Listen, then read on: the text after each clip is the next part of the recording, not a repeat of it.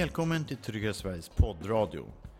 Hur väl rustat står det svenska samhället när det gäller att återskapa lugn och trygghet i några av landets mest utsatta kommuner? Och finns det en beredskap inför att ta emot återvändande IS-krigare? Rättsstatens fundamentala och grundläggande byggstenar handlar ju om att kunna upprätthålla lag och ordning och därmed garantera medborgarna trygghet i sina bostadsområden. En rad dödsskjutningar har skett på öppen gata i Sverige. I de flesta fall används avancerade militära vapen som smugglats in i landet. Måste vi behöva invänta en blodig terroristattack innan vi har hunnit agera? Det här är några frågeställningar som jag tänker diskutera med vår gäst idag, terroristforskaren Hans Brun. Själv heter jag Tom von Sivers och med mig har jag som vanligt Magnus Lindgren, generalsekreterare på Tryggare Sverige. Utifrån den här pågående nyhetsrapporteringen som man möts av hela tiden om ett ökat inslag av gängkriminalitet i det svenska samhället, våldsamma dödsskjutningar, det är uppåt eh, två i månaden, eh, automatvapen mitt på dagen, så får man ju liksom känslan av att eh, samhället då, polisen inte klarar att garantera tryggheten för boende. Och, och anser du att, är det så man ska tolka verkligheten? Jag tänkte vända mig höra hur du ser på det. Ja, man ska inte gripas av panik, men, men eh, Sverige står inför en hel del utmaningar. Men är vi inte där redan nu med den här det man... Ja, som sagt in, inte panik, in, inte bli hysterisk, men, men det finns vissa problem runt om i Sverige. Mm. I vissa förorter. Mm. Rikspolisstyrelsen släppte ju en rapport före jul. Mm. Där man listar 55 sådana här områden som är problematiska för polisen att arbeta i. Men vad betyder problematiskt? Är, är det så att man inte åker in i området? Har man tappat kontrollen? Vad är, ligger det begreppet problematiskt? Ja, man så... kanske inte kan åka in med en patrull. Man kanske måste ha flera patruller med sig som skyddar varandra. Räddningstjänsten kanske inte kan åka in utan poliseskort och så vidare. Och så vidare. Mm. Och det är naturligtvis inte acceptabelt. Nej. För att när man pratar om grundläggande rättsstatsprinciper som rule of law så framhålls det också att en grundförutsättning för att de här demokratiska öppna samhällena ska fungera är att polisen kan garantera lugn och, och lag och ordning. Ja. Och eh, hur ska man då tolka det svenska samhället då med alla de här skjutningarna? Rakt på sak, när man inte åker in i områden. Uppfylls de kriterierna då? Alltså det vi ser nu, det, det är baksidan av globaliseringen och internationaliseringen utav, utav västvärlden. Mm. Det blir lättare och lättare att få tag på skjutvapen via internet. Droger via internet. Vi vet att trafficking i olika former ökar också. Mm. Det, det är så att säga baksidan av öppna gränser av frihandel och ökad rörelsefrihet. Men, men det, det, är inget, det är en beskrivning av läget, men mm. eh, trots allt den här principen om att eh, rättsstatens eh, trygghet måste garanteras. Mm, hur, hur, var befinner vi oss där egentligen? Alltså problemet är att den politiska världen och säga, beslutsfattandet släpar ju alltid lite efter. Mm. Och det här är någonting som har tagit oss lite på sängen, tror jag, överlag. Mm. Man har låtit situationen gå lite längre än vad man kanske har trott. Och mm. många politiker och beslutsfattare kanske inte riktigt förstår hur pass illa det är ute i vissa av de här områdena. Men är det så att det saknas kunskap på den politiska nivån? Jag tror att det saknas både kunskap och förståelse hos en hel del politiker. Samtidigt så vill jag betona att det finns politiker i alla stora etablerade partier som brinner för de här frågorna och försöker jobba med det på ett seriöst sätt. Mm. Eh, jag vet att innan vi träffades här körde igång så berättade du om eh, införseln av vapen och hur, det, hur det, de siffrorna ser ut. Men en sak som jag tänkte fråga dig först som forskare. Vilka kriterier ska uppfyllas för att du som forskare anser att ett samhälle har tappat kontrollen i den här meningen? Ja, man har tappat kontrollen när medborgarna i en viss stadsdel eller en viss, en viss del av en stad inte längre kan utöva sina medborgerliga fri och rättigheter utan att vara rädda. Är vi där nu? Vi är snubblande nära den eh, definitionen i vissa områden, ja. För att du, du har ju studerat Nordirland. Ja. det är ju ett krig som har pågått eh, från 69 till 2007, såg mm. jag här. Eh, utan att dra några liksom för långa paralleller mellan det. Men vad, vad, det, vad är det som utmärker just det här samhället i förfall egentligen? I, i det här avseendet som vi pratar om nu. Ja, nu är Nordirland ett väldigt extremt exempel, men det finns lärdomar att dra därifrån. Och det man hade problem där med i grund och botten, det var dels en ovilja att genomföra viktiga politiska reformer. de politiker som försökte genomföra viktiga politiska reformer för att så att säga desarmera den politiska situationen, de blev bortröstade. Mm. Så vad man får det är en politisk ledning som inte är intresserad av att förändra en ganska labil situation. Ovanpå det så har man en lång, lång, lång tradition av utomparlamentariskt, utomparlamentariskt våld. Mm. Alltså den traditionen är hundratals år gammal på Irland. För att göra saken något ännu värre så hade man en poliskår som var oerhört våldsam och oerhört partisk. Som inte ville och inte kunde skydda alla medborgare i Nordirland. Mm. Man prioriterade protestanter på, på katolikernas bekostnad. Mm. Lite förenklat. Så även om de här frågorna inte går att överföra riktigt, eh, den här bakgrunden i Irland har ju att göra med, det är andra, andra saker som mm. handlar om. Men när, när, när så att säga klaner och liknande gäng tar över olika områden så det första man fokuserar på det är ju neutralisera polisen. Ja. Eh, men, men återigen kopplat till Sverige, där tycker du inte vi är till exempel när jag hör poliser som inte vågar åka in i områden eller inte. För det låter på mig som att vi är snubblande nära där. Vi är alltså. väldigt nära där. Och vad som händer när polisen och rättsstaten inte kan vara närvarande ja. på olika sätt.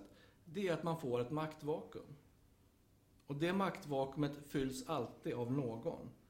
På Nordirland fylldes det av bland annat då IRA. Och i svenska förorter fylls det av ungdomsgäng och av organiserad brottslighet och andra ganska mörka och destruktiva krafter. Mm. Så att den goda staten måste vara närvarande på mm. olika sätt. Bland Men... annat då i form av en poliskår. Ja, för nu pratar vi om polisen mm. här just i det här fallet. Men Magnus, om jag får fråga dig. Du pratar ju ofta om polis, alltså ökad polisiär närvaro i lokalsamhället, om jag försöker sammanfatta en del av dina teser. Är det lösningen på det vi ser idag här ute? Ja, det här, just det här vi pratar om just nu? Jag tror att det är svårt att säga att det finns en snipp-snapp lösning. Mm. Eh, men eh, om man då kopplar tillbaks till det som vi pratar om här, att eh, rule of law, eh, en grundprincip är ju att eh, det finns ett fungerande rättsväsen. Jag menar, ska man, när vi åker utomlands och ska bygga demokratier, då har vi nu för tiden lärt oss att det går inte att börja bygga en demokrati utan att det finns ett fungerande rättsväsende. Eh, om vi tillämpar den principen på situationen i Sverige här nu, eh, då måste man ju ställa sig frågan, ja men gäller liksom eh, rule of law-principen? Har vi ett fungerande rättsväsende? Och jag menar att vi inte kan svara eh, ograverat ja på den frågan i Sverige idag. Eh, bland annat med hänvisning till hur situationen ser ut då i vissa av våra 290 kommuner och inte minst då vissa förortsområden som i det närmaste är polisfria och har varit så under ett antal år. Och då uppstår ju det här eh, maktvakuumet som Hans beskriver. Eh, så att svaret på frågan är att det är en allvarlig situation i många kommuner. Och en av de viktigaste åtgärderna för att så att säga inte låta den här situationen eskalera. Eh, det är ju att vi ser till att få en lokalt förankrad polis. Så det är en viktig... Eh, ja, det är en viktig. Och jag menar ju som sagt att det här, jag menar 99 procent av de människor som bor i de här områdena som utpekas då av Rikskriminalpolisen, Rikspolisstyrelsen som särskilt utsatta. Jag menar de vill inga annat än du och jag och Hans. Alltså de vill ha lugn och trygghet i sina områden. De vill ha en lokalt närvarande polis. Mm. Och de frågor som vi ofta får det är ju alltså varför kommer polisen bara när något har hänt? Mm. Varför är det bara de yngsta och minst erfarna poliserna som är här? Och hur kommer det sig att de flyttar när vi har lärt känt dem efter ett halvår, efter ett år? Och där har vi grundproblemen. Alltså en av de viktigaste grundstenarna eh, i det här arbetet med att bygga demokrati, det är att det finns en lokalt förankrad polis som känner invånarna och som är känd av invånarna. Och där det finns ett ömsesidigt förtroende. Mm. Och där finns det ett gap idag mm. eh, i, i, Sverige. Och jag kommer ju precis hem från, från USA Där vi kan prata Ferguson, där vi kan prata Baltimore, där vi kan prata även demonstrationer i New York och mm. Stop and Frisks och overpolicing och så vidare. Så att jag menar, där man verkligen kan prata om en, en klyfta mellan allmänheten och polisen. Mm. Men motsvarande klyfta finns ju här i Sverige. Mm. Eh, och en av skälen till det, eller ett av skälen till det, det är just att vi inte har den här lokalt närvarande Nej. polisen. Men, men jag tänkte, vi pratar om polisiär närvaro. Det, låter, det kan ju uppfattas som att man har några konstaplar som promenerar runt där i lokalsamhället och visar sig. Och det är viktigt i sig. Men som du sa Hans, för att beskriva lite hur det verkliga läget ser ut när det gäller det är inga slangbällor som snurrar runt här ute utan det är ju avancerade vapen. Eh, du, du berättar lite om vad det är för typ av vapen som är i omlopp och vad det får för konsekvenser. Alltså. Numera är det ganska lätt att få tag på militära vapen. Avancerade. Vapen. Avancerade vapen. Så bärbara massförstörelsevapen om man ska vara lite, lite raljant. Mm. Jag har pratat med en person som har kopplingar till, till organiserad brottslighet här i Stockholm. Och han sa att det skulle ta honom ungefär 45 minuter att ordna en automatkarbin till mig med, med ett antal magasin. För, för 15 000. Och, och vad får det för konsekvenser för eh de poliser, polisernas skydd och hela den här aspekten när de ska möta sådana vapen? Ja, svensk polis och västeuropeisk polis är överhuvudtaget inte eh, tränad och utrustad för att bemöta alltså, mil militärt våld. Nej. Alltså, vi har ju en, en fredstida poliskår. Just det. Automatkarbinen slår igenom skyddsvästar, de slår igenom bilplåt. I värsta fall även husväggar beroende på vad det är för material. Mm. Så man kan döda en människa på 500-600 meters håll. Mm. Och det är en ny, eh, ska man säga, trend då, eller en ny bild som den svenska, eh, eller västvärldens polis möter då? Ja, Militära... det har ju funnits, vi har haft den typen av vapen i omlopp förut, men då var det en viss liten klick utav yrkeskriminella som använde det. Mm. Svartenbrandt var ju känd på sin tid för att skjuta på poliser när han mm. rånade banken på Döbelnsgatan här i Stockholm. Vi hade militärligan som genomförde en lång serie rån i, i Sverige under 90-talet som använde militära vapen. Mm. Men det har hela tiden varit undantagsfall. Mm. Nu är det vanligare och vanligare och man hittar vapen hos betydligt yngre personer. Mm. Och vad, man måste, hur kommer de här vapnen in helt enkelt till? Det finns väl egentligen två sätt. Dels så kan man alltså numera tyvärr beställa vapen via internet och få det hemskickat till posten. Men vi har ju tull. Vad gör de? Nej, de söker ju, men det är ju slumpvisa sökningar. De efterlyser ju ett, ett system där man kan eh, röntgenkontrollera posten som kommer in. Det är ju enorma mängder försändelser varje dag. De har alltså hittat eh, allt mer skjutvapen när de har sökt efter narkotika. Mm.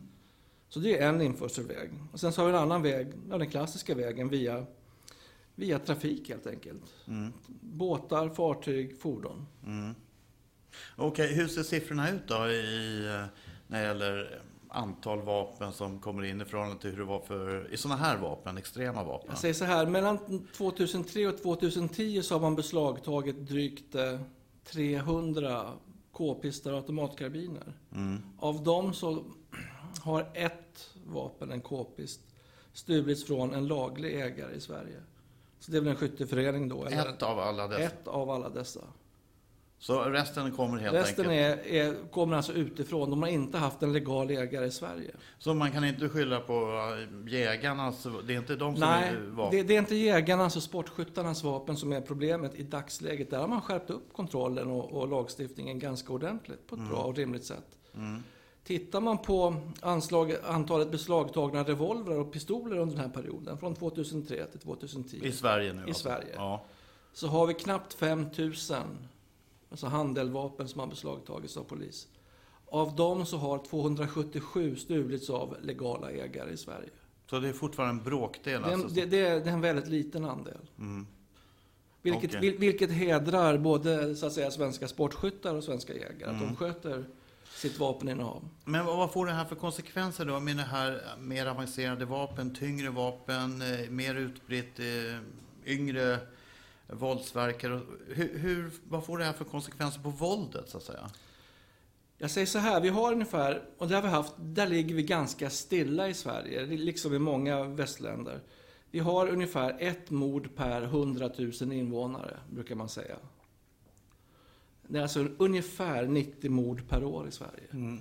Av dem så begås 20 ungefär, det varierar lite från år till år, men ungefär 20 eh, med hjälp av skjutvapen. Mm. De andra är trubbigt våld eller äggvapen då, som man säger. För 20 av 90? Ja. 20 av 90, precis. Okej. Men vad har, har de här eh, avancerade vapnen förändrat så att säga skadebilder? Eller, man kan ju dö av enklare vapen också. Absolut, självklart. Du kan ju dö av avslag i ansiktet om du har otur. Precis. Så att, eh, hur allvarligt är det med de här, med de här allvar... Hur, hur, vad gör de för avtryck, alltså det här inflödet? Ja, problemet är att det blir svårare för polisen exempelvis att arbeta. Man måste tänka sig igenom, okej den här personen kanske har en automatkarbin i bilen. Så hur borde polisen då ändra sin strategi? Ja, det kräver ju mer utrustning, Mm. mera poliser, det tar mera tid att reagera. För då måste man ju fråga, är det en orsak till att man eventuellt inte så gärna åker in i de här områdena om man inte måste? Vad säger du? om det? Är bara en uh, upp i luften så här. Om man är så hotad, alltså att skyddsvästen inte fungerar och eh, det är ju en annan situation helt enkelt. Ja, det är väl en aspekt. eh, Men det är illa nog även utan att ta hänsyn till den här eh, typen av faktiskt då handburna massförstörelsevapen som Hans pratar om. Alltså situationen är ju allvarlig nog ändå i många förortsområden. Ja, alldeles oavsett. Yes, och det är ju det som gör då att eh, i vissa områden så kan man inte som enkelpatrull åka in idag. Utan man måste ha en patrull som vaktar polisbilarna. Och medan någon annan gör det ingripande. Och vi ser ju att antalet bakhåll ökar mycket kraftigt. Och bara under det senaste året så ser vi ju sju, åtta tillfällen då poliser har varit eh, tvingade att skjuta sig fria, eh, verkan, alltså inte verkanseld utan varningsskott i eh, Järvaområdet på grund av att man har blivit lurad i bakhåll. Och det är ju för övrigt inte bara polisen utan Brandkåren också. Ja, räddningstjänsten och eh, skänker eh, och posten på vissa ställen. Så att, kan man också fråga sig, ja, men vilka är då? Ja, men första är frågan är, har inte ett samhälle förlorat kampen? För det här har ju Absolut. upprepats gång på gång. Absolut. Det är en mycket allvarlig första- situation. En mycket allvarlig situation. Eh, och eh, vi kan inte låta det gå längre. Nej. Utan det har gått eh, väldigt långt redan. Eh, Varför gör man då ingenting? Ja, alltså mitt svar är ju att än så länge har det inte blivit tillräckligt dåligt för tillräckligt många. Och det gör att frågorna inte är uppe på den nivån av den digniteten som de borde vara. Men nu har vi här, nu har vi ju eh, cirka, sägs det, 300 individer som har anslutit sig och slåss med is utomlands. Ungefär. Och de här individerna, förr eller senare kommer de hem. Mm. Eh, om de överlever och i vilket skick de är. Frågan är då till dig Hans, utgör de här potentiellt hot och i så fall hur allvarligt är det? En del av dem utgör ett hot. Det är Mm. jag beredd att påstå. In, inte alla, absolut inte. En del Nej. kommer att vara väldigt äcklade och förskräckta över det de har varit med om. Mm. Jag har själv träffat på folk som har varit aktiva i terrorgrupper. Ja. Och många blir ju väldigt Av, rädda och avtända så att säga när de väl får uppleva våld på nära håll. Mm. Andra kommer att vara ganska traumatiserade och en fara både för sig själva och för sina familjer i första hand. mm. Och sen så finns det en liten klick som är en, en risk. Men Säpo säger att de har, har bra koll på de här individerna, jag har hört företrädare för Säpo säga i olika intervjuer. Eh, delar du den, den uppfattningen? Och i så fall är det en bra garanti för att man inte ska behöva vara orolig? Jag tror Säpo har ett väldigt bra grepp på läget. Säpo har ju varit, som de själva har sagt, både den första och den sista myndigheten som de här personerna träffar. Mm. Och de har jobbat väldigt länge ensamma med den här frågan.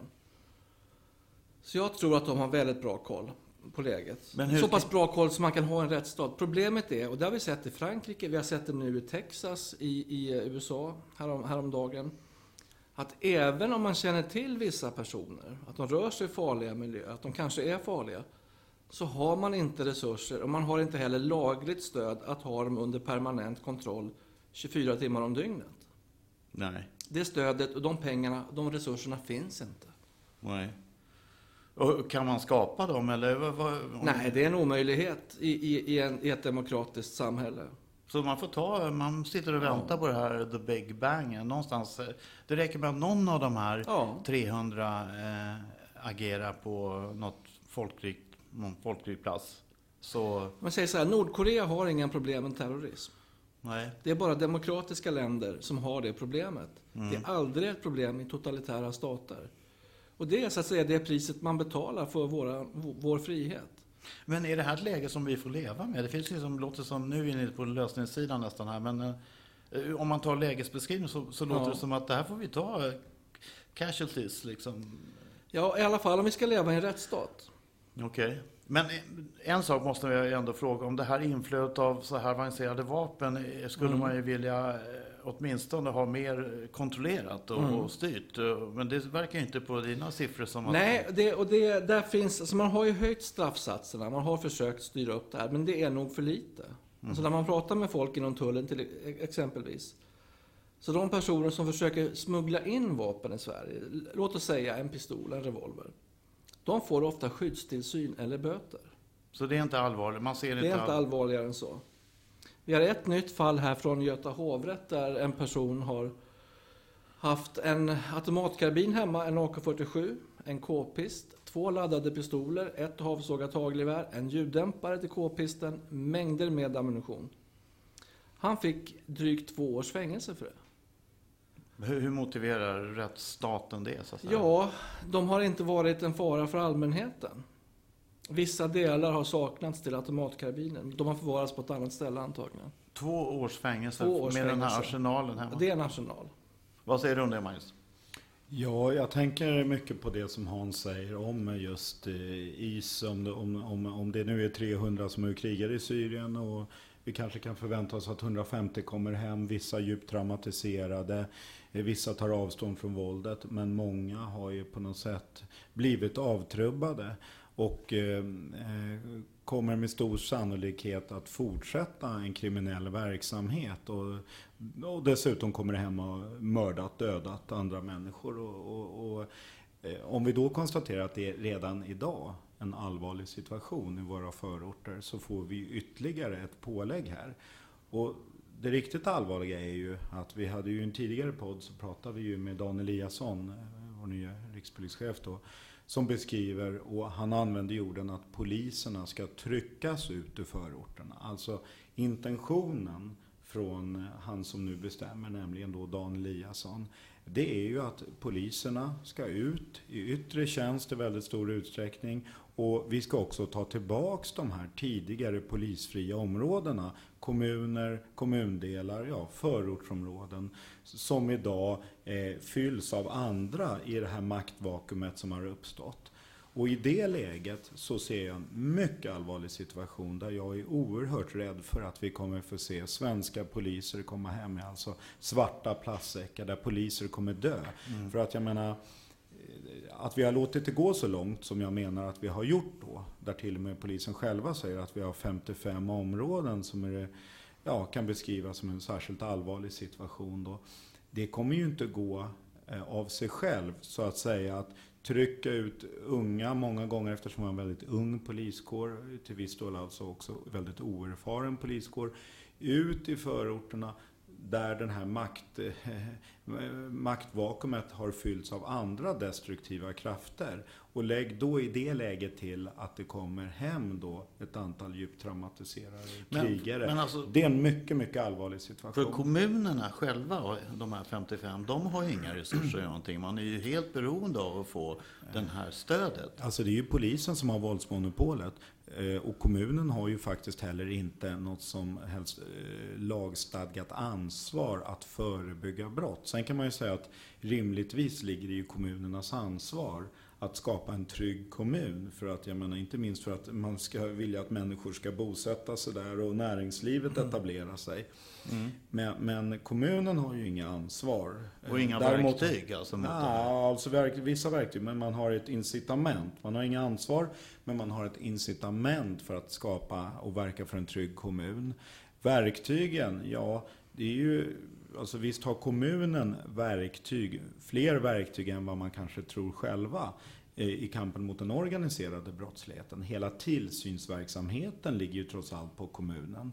Och det som göder den organiserade brottsligheten, det är ju, det är ju mycket näringslivet och det är krogarna och så vidare. Så att visst finns det så. Men det allvarliga i det hela menar jag, eh, det, det är ändå den situation att, som kommer uppstå när de här unga oerfarna poliserna ska försöka ta tillbaks de här områdena där man inte kan åka in idag och med de eh, traumatiserade krigarna mm. eh, från Syrien som kommer hem. Men väl om du verkar hoppa här till Nordirland till exempel. Mm. Var det inte precis det som hände att det kom till en punkt när det faktiskt måste nästan bli, eh, det blev krig. Alltså, alltså polisen måste erövra sin, eller kanske var militären i det läget. Mm. Men var det inte det som, man kom till ja, en alltså, punkt alltså? Vad, vad som hände var att mellan, under perioden 1970 till 74, 75 ungefär, så driver IRA, för det är IRA som är den, den drivande faktorn här till stor del. Mm.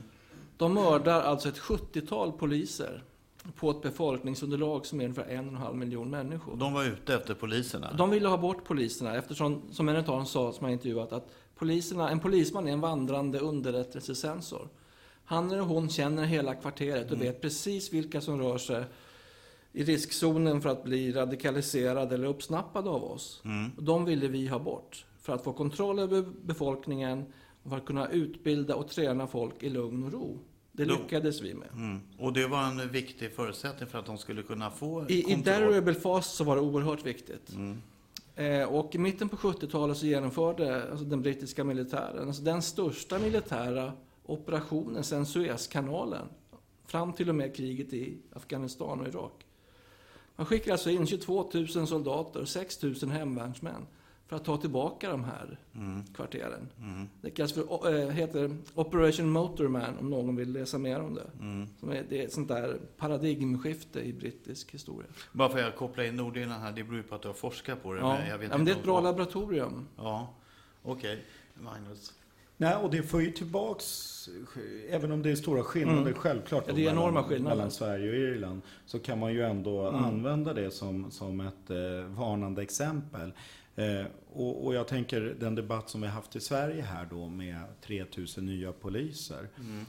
Hittills eh, så har jag inte hört någon som talar om att vilken förmåga måste vi nu ha då för att kunna hantera den situation som råder i Sverige. Bland annat med de här 55 eh, områdena.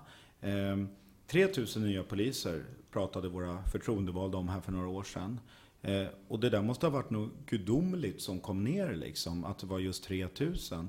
För faktum är att ingen vet ju om det var tre poliser till vi behövde.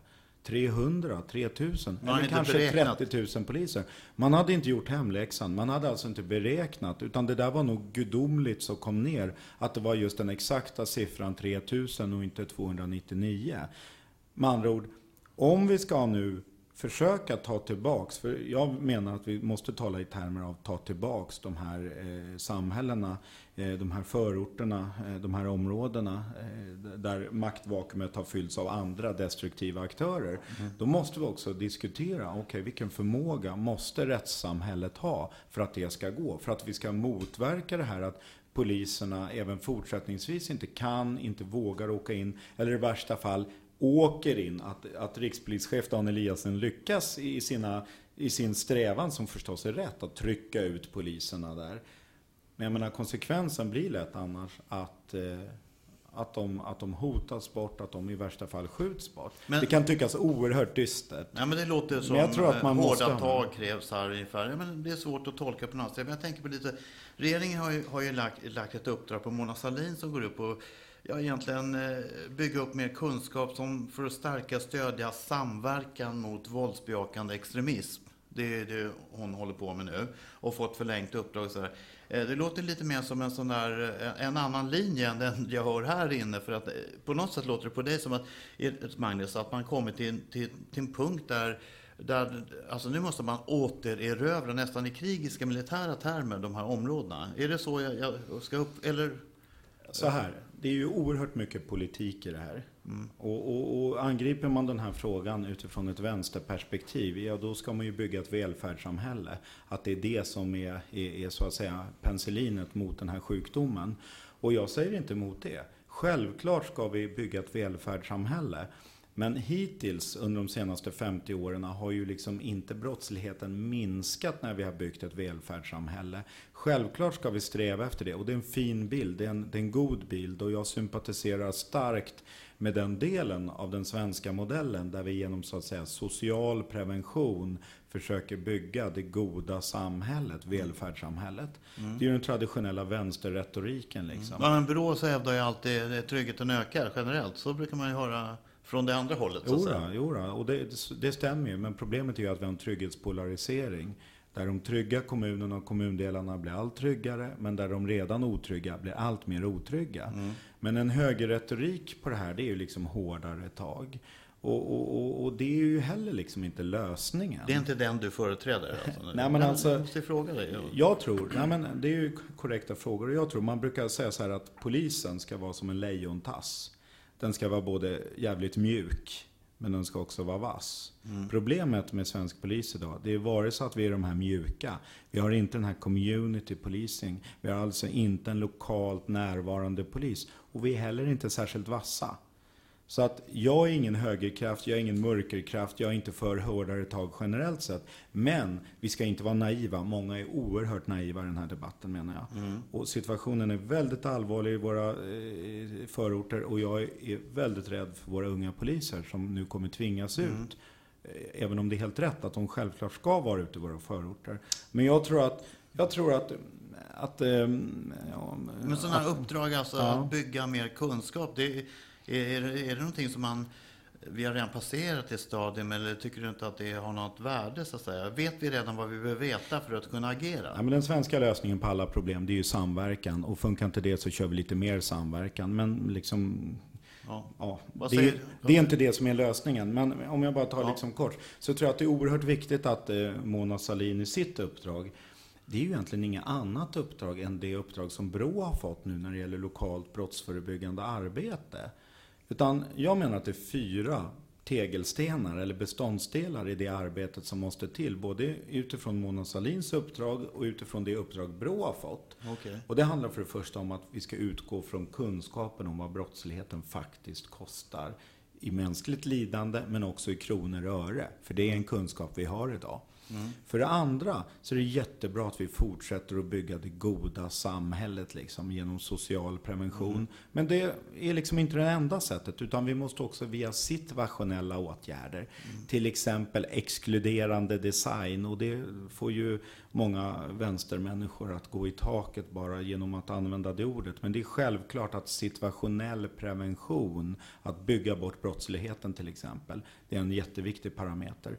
För det tredje så är det väldigt bra att jobba mot mängdbrott med grannsamverkan och så vidare. Men när vi har 55 eh, områden i Sverige med mycket allvarligt läge så är det självklart att där har det passerat så att säga. Där måste man också jobba mot den grova organiserade brottsligheten. Mm. Och det sista och fjärde då som kopplar tillbaks det här som vi pratar om nu, det är att vi faktiskt måste klara ut vilken förmåga måste rättsstaten ha? Vilken förmåga måste polisen ha i termer av resurser, utbildning, kompetens, organisation för att vi inte ska få hem unga svenska poliser i svarta säckar? Det är allvarligt det här mm. alltså. Men det tror du är vad vi har att vänta? Är det så? Den här utvecklingen? Att det kommer bli så hårt? Jag menar, utifrån den situation som är redan idag i förorterna, vilket polisen säger själv, utifrån den situation som Hans målar upp med de isgubbar och till viss del kanske gumma som kommer hem snart djupt traumatiserade. Och det faktum att de polisfria eh, kommunerna och kommundelarna nu ska fyllas med unga poliser som då med Dan Eliassons ord ska tryckas ut. Så finns det en mycket, mycket påtaglig risk att det kommer bli stora motsättningar mm. mellan de här gängen och de unga poliserna som ska verka i de här områdena. Ja. Då måste jag fråga dig Hans, finns det någon forskning eller någon kunskap om hur stor sannolikheten är att eh, sådana här återvändare så att säga agerar i det samhälle de kommer, hör till, så att säga, lokalsamhället. Ja, först så börjar jag här ja. med, med Mona Sahlin och den biten. Så, så, eh, jag har föreläst ihop med henne ett par gånger. Och jag tycker hon gör ett väldigt bra jobb. Det är ett viktigt komplement till det arbetet som Säpo har gjort alldeles för länge. Mm. Helt ensamma. Det har funnits ett ointresse, det har funnits en beröringsskräck. En motvilja i vissa fall att accept, inse att Sverige har problem med, med, med religiöst betingad radikalisering. Det har funnits i många kommuner. Och för att kunna ta den debatten och lyfta den frågan så krävs det nog en politiker av Mona Sahlins kaliber. Mm. För att få folk att inse allvaret. Men vad kommer det landa i? En utredning som eh, Nej, men det, det här? Nu vågar folk prata lite mer om det här på ett helt annat sätt. Och jag märker själv skillnaden över de åren jag har hållit på med det här. Mm. Att nu, nu, kan man prata lite lättare om de här bitarna, för det är svåra problem. Men från steget därifrån till eh, åtgärder och agerande, eh, vad, hur stort är det, så att säga? Eh, alltså nu kommer det ju ett lagförslag här där man försöker eh, hantera rent juridiskt den här resandeproblematiken. Det sitter ju en, eh, en, en, utredning nu som ska presenteras till sommaren tror jag. Mm. Och det är ju ett resultat av det här. Mm.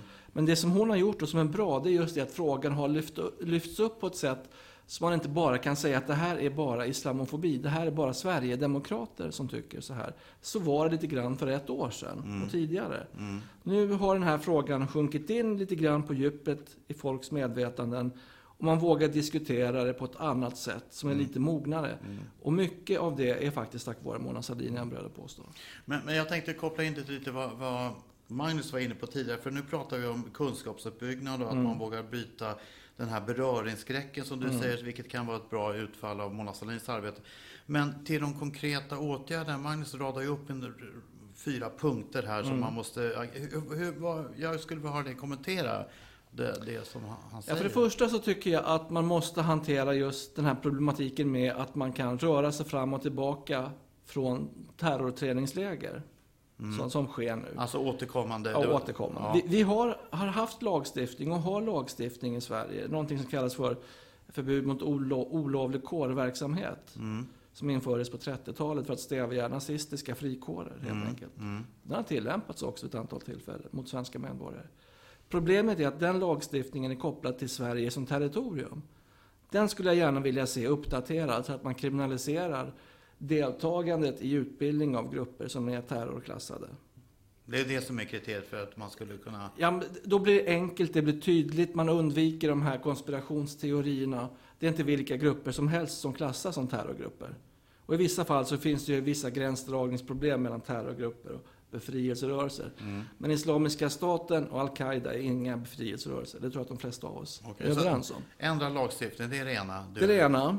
Eh, sen skulle jag gärna vilja se att man går in mål, väldigt målmedvetet för att minska tillgången på illegala vapen i Sverige. Där måste vi verkligen anstränga oss lite mer. Mm.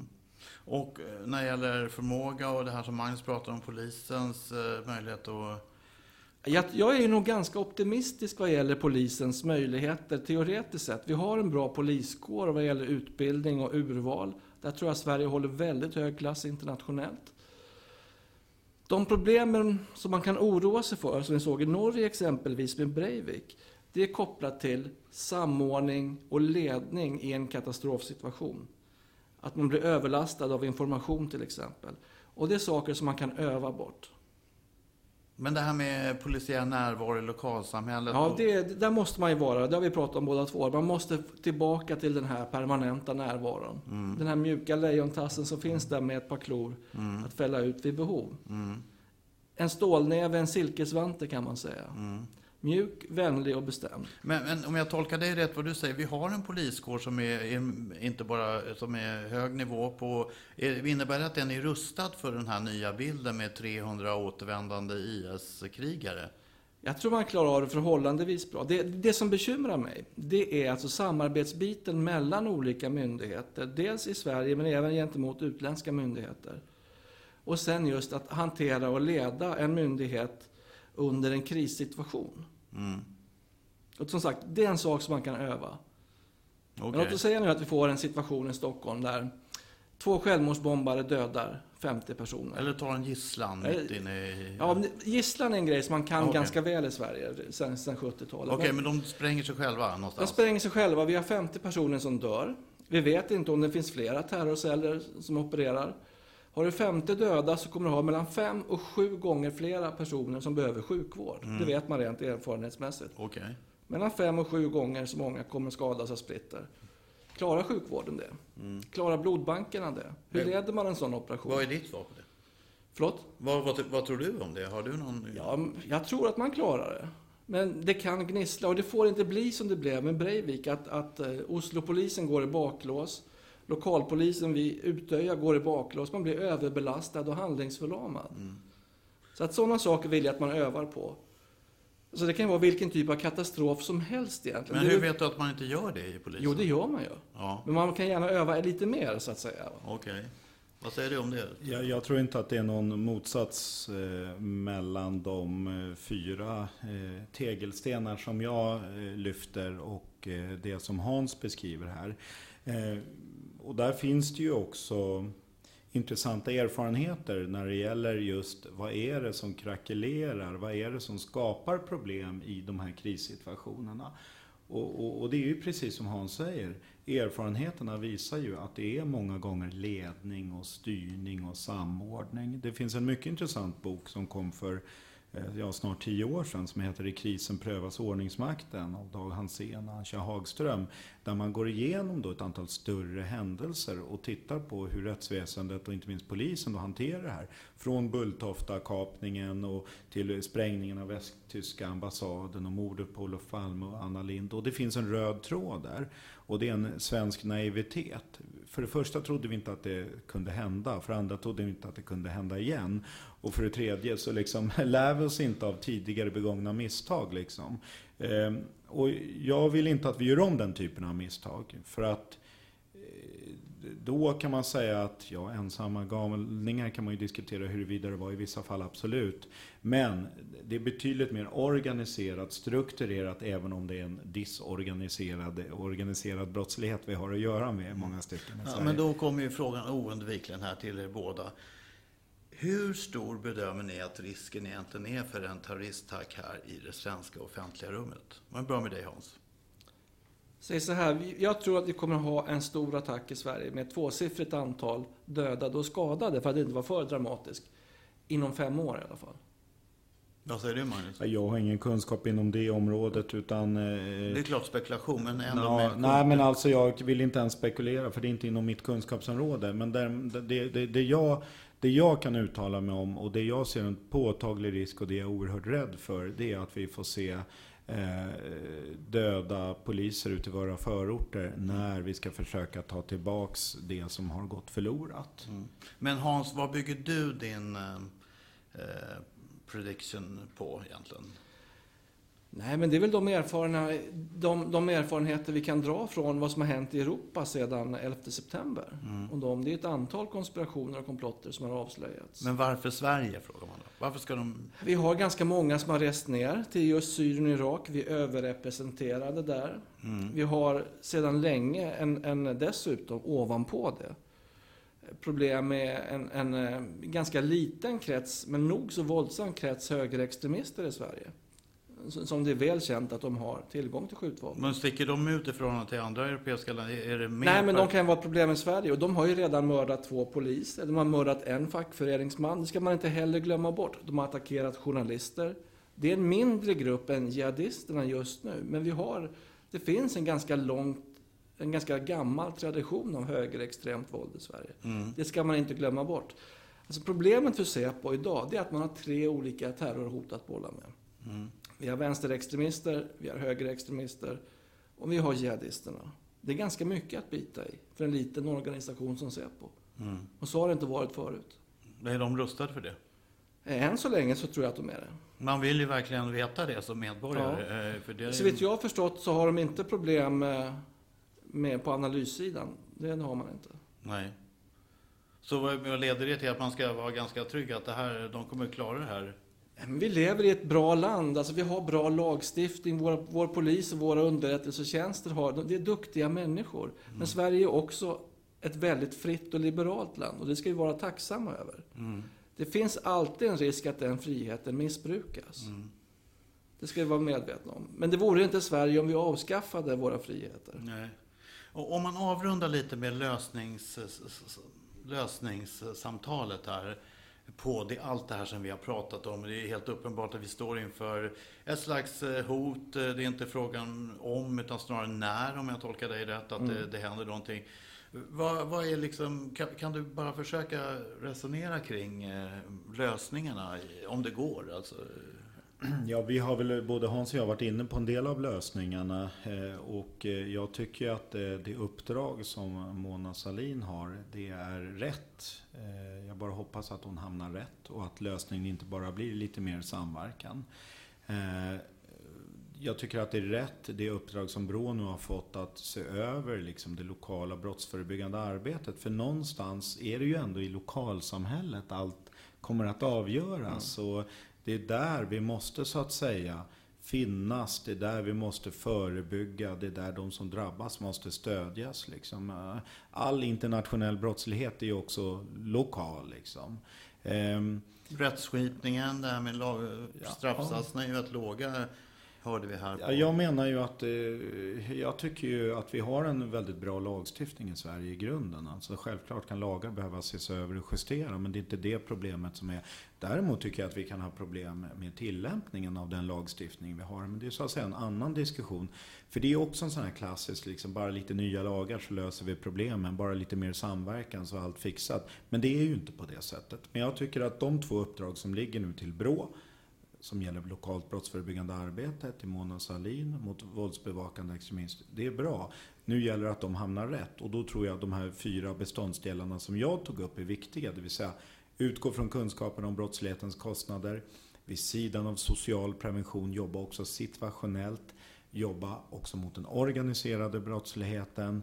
Och framförallt, för det fjärde då, vi måste liksom inom försvaret prata om vilken förmåga krävs och vilken förmåga har vi? Det kan liksom inte bara vara något gudomligt att det är 3000 poliser och en centraliserad polis som är lösningen utan att vi har gjort analyserna. Jag måste bara fråga här, det här naivismen, den svenska naivismen. Eh, är det, är det, först undrar om det, om det är ett, ett sånt begrepp som man är relevanta för. Nor Norge var väl också ganska naivistiskt innan Breivik. Eh, finns det en svensk naivism? Absolut. Okej. Okay. Hur yttrar sig den? Ja, den, jag tycker att eh, Dan Hansén och Antje Hagström har illustrerat det väldigt bra just i den här boken, då Krisen prövas ordningsmakten, där man visar att det är samma misstag som upprepas gång på gång, alltså från 70-talets kapning. Och vad beror det på att man inte lär sig här? Ja, men alltså, jag tror att det handlar bland annat om en bristande ledning och styrning och ansvarsutkrävande. Det är ju några sådana här centrala begrepp som vi egentligen inte har varit inne på i den här diskussionen, men som är oerhört viktiga. Och som man också, om man tittar i ett internationellt perspektiv, kan hanteras på ett annat sätt än i det svenska samhället. Typ? Som vadå? Ja, New York har vi pratat om tidigare i en podd här där man har minskat den anmälda brottsligheten med 80 procent. Och där framgångsfaktorn inte så mycket handlar om nolltolerans som tydlig ledning och styrning och accountability, det vill säga ansvarsutkrävande. Och är det någonting som lyser med frånvaron i vårt land så är det ju dels tydlig ledning och styrning menar jag. Mm. Eh, och för andra då ansvarsutkrävande. Mm. Och där har vi en del av problematiken som gör också att den här naiviteten frodas. Och, mm. Ja, vad... Nej, men jag håller väldigt mycket med det om, som Magnus säger här. Mycket handlar om ledarskap. Vi har lagstiftningen på plats i stora drag. Vi har alldeles utmärkt poliskår i stora drag.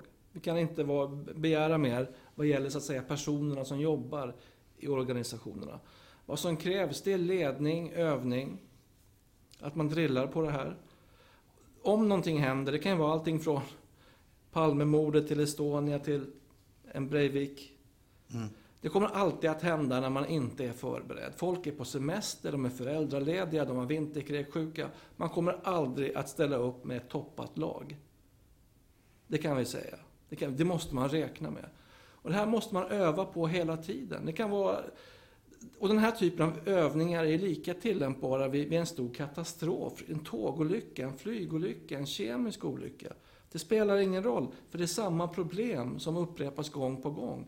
De här ledningsbiten, man blir handlingsförlamad. För mycket information, för lite information.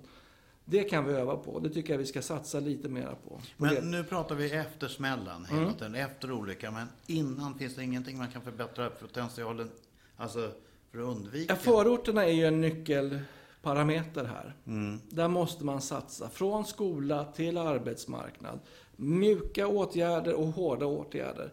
Ett problem som jag ser hos svenska politiker, det är att man ser det här som ett smörgåsbord. Man har sin favoritfråga och den, den, mm. det pålägget, den smörgåsen tar man. Men man vill inte ta i de andra frågorna. För att det passar inte in Helhetsgreppet. Man tappar helhetsgreppet. Och det tycker jag är ett jätteproblem. Mm. Jag tycker det där är ju väldigt bra ut, uttryckt för det är ju den här politiska retoriken. Alltså det är de politiska ideologierna snarare än den, kunskaps, alltså den kunskap som finns som styr vilka verktyg man tar upp i den där verktygslådan. Mm. Och är man då från vänstersidan då blir det de där vanliga verktygen man hela tiden tar upp och försöker använda. Sen om det är liksom fel, fel en hammare när man ska ha en skiftnyckel, ja, det spelar liksom ingen roll. För det är den ideologiska eh, verkligheten som styr styr snarare än den faktiska. Och, och samma sak på ja. högersidan då liksom. Då tar man jävla skruvmejsel när man ska ha en hammare istället. Så att, eh, Men vem, vem finns det utomlands om man jämför? Någon som har eh, ett helhets helikopterperspektiv på, på ett samhälle? Ja, men det är självklart det finns sådana länder där det har blivit tillräckligt dåligt för tillräckligt många. Där Totalitära varit... länder? Nej, eller nej, nej. Ja, men alltså, ja, det är ytterligheterna som Hans på ett bra sätt har beskrivit. Men jag menar, det är ju inte det samhälle vi vill ha i Sverige. Men det är självklart att det finns andra exempel på eh, där har, länder, områden där det har blivit tillräckligt dåligt för tillräckligt många. Och där man så att säga inte kan blunda längre. För det är det jag menar att vi har gjort, tyvärr för länge. Vi har låtit det gå för långt i vissa av våra kommuner, vissa av våra förortsområden. Och bland annat genom den här retoriken, ja det blir allt tryggare. Ja men det blir det. Men går man ner på djupet och tittar så ser vi en trygghetspolarisering där de redan trygga blir ännu tryggare och där de redan otrygga blir allt mer otrygga.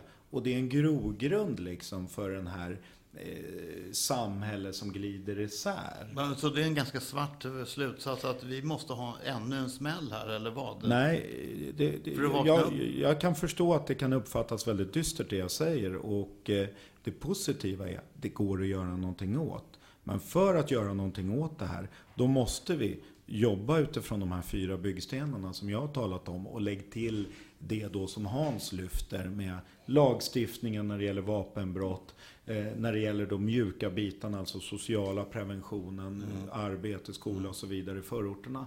Men vi kan inte fortsätta vara så naiva. Men Hans, utomlands, är inte samma sak där att politiker plockar de kärnfrågor man vill lyfta och profilera ja, det, det är därför man, alltså USA, där har man ju lyckats i New York och vissa storstäder, man får ner brottsligheten väldigt mycket. Men den amerikanska polisen har fortfarande vissa problem som vi ser med jämna mellanrum. Mm. Alltså problemet är, om man bara har en hammare så ser alla problem ut som en spik. Mm. Och det är inte där vi ska hamna, utan vi ska ha en väl sorterad verktygslåda med hårda åtgärder, med mjuka åtgärder. Och hela tiden sträva efter så mycket tolerans och frihet som möjligt. Så lite repression som möjligt. Använder vi repression så ska det vara med maximal precision.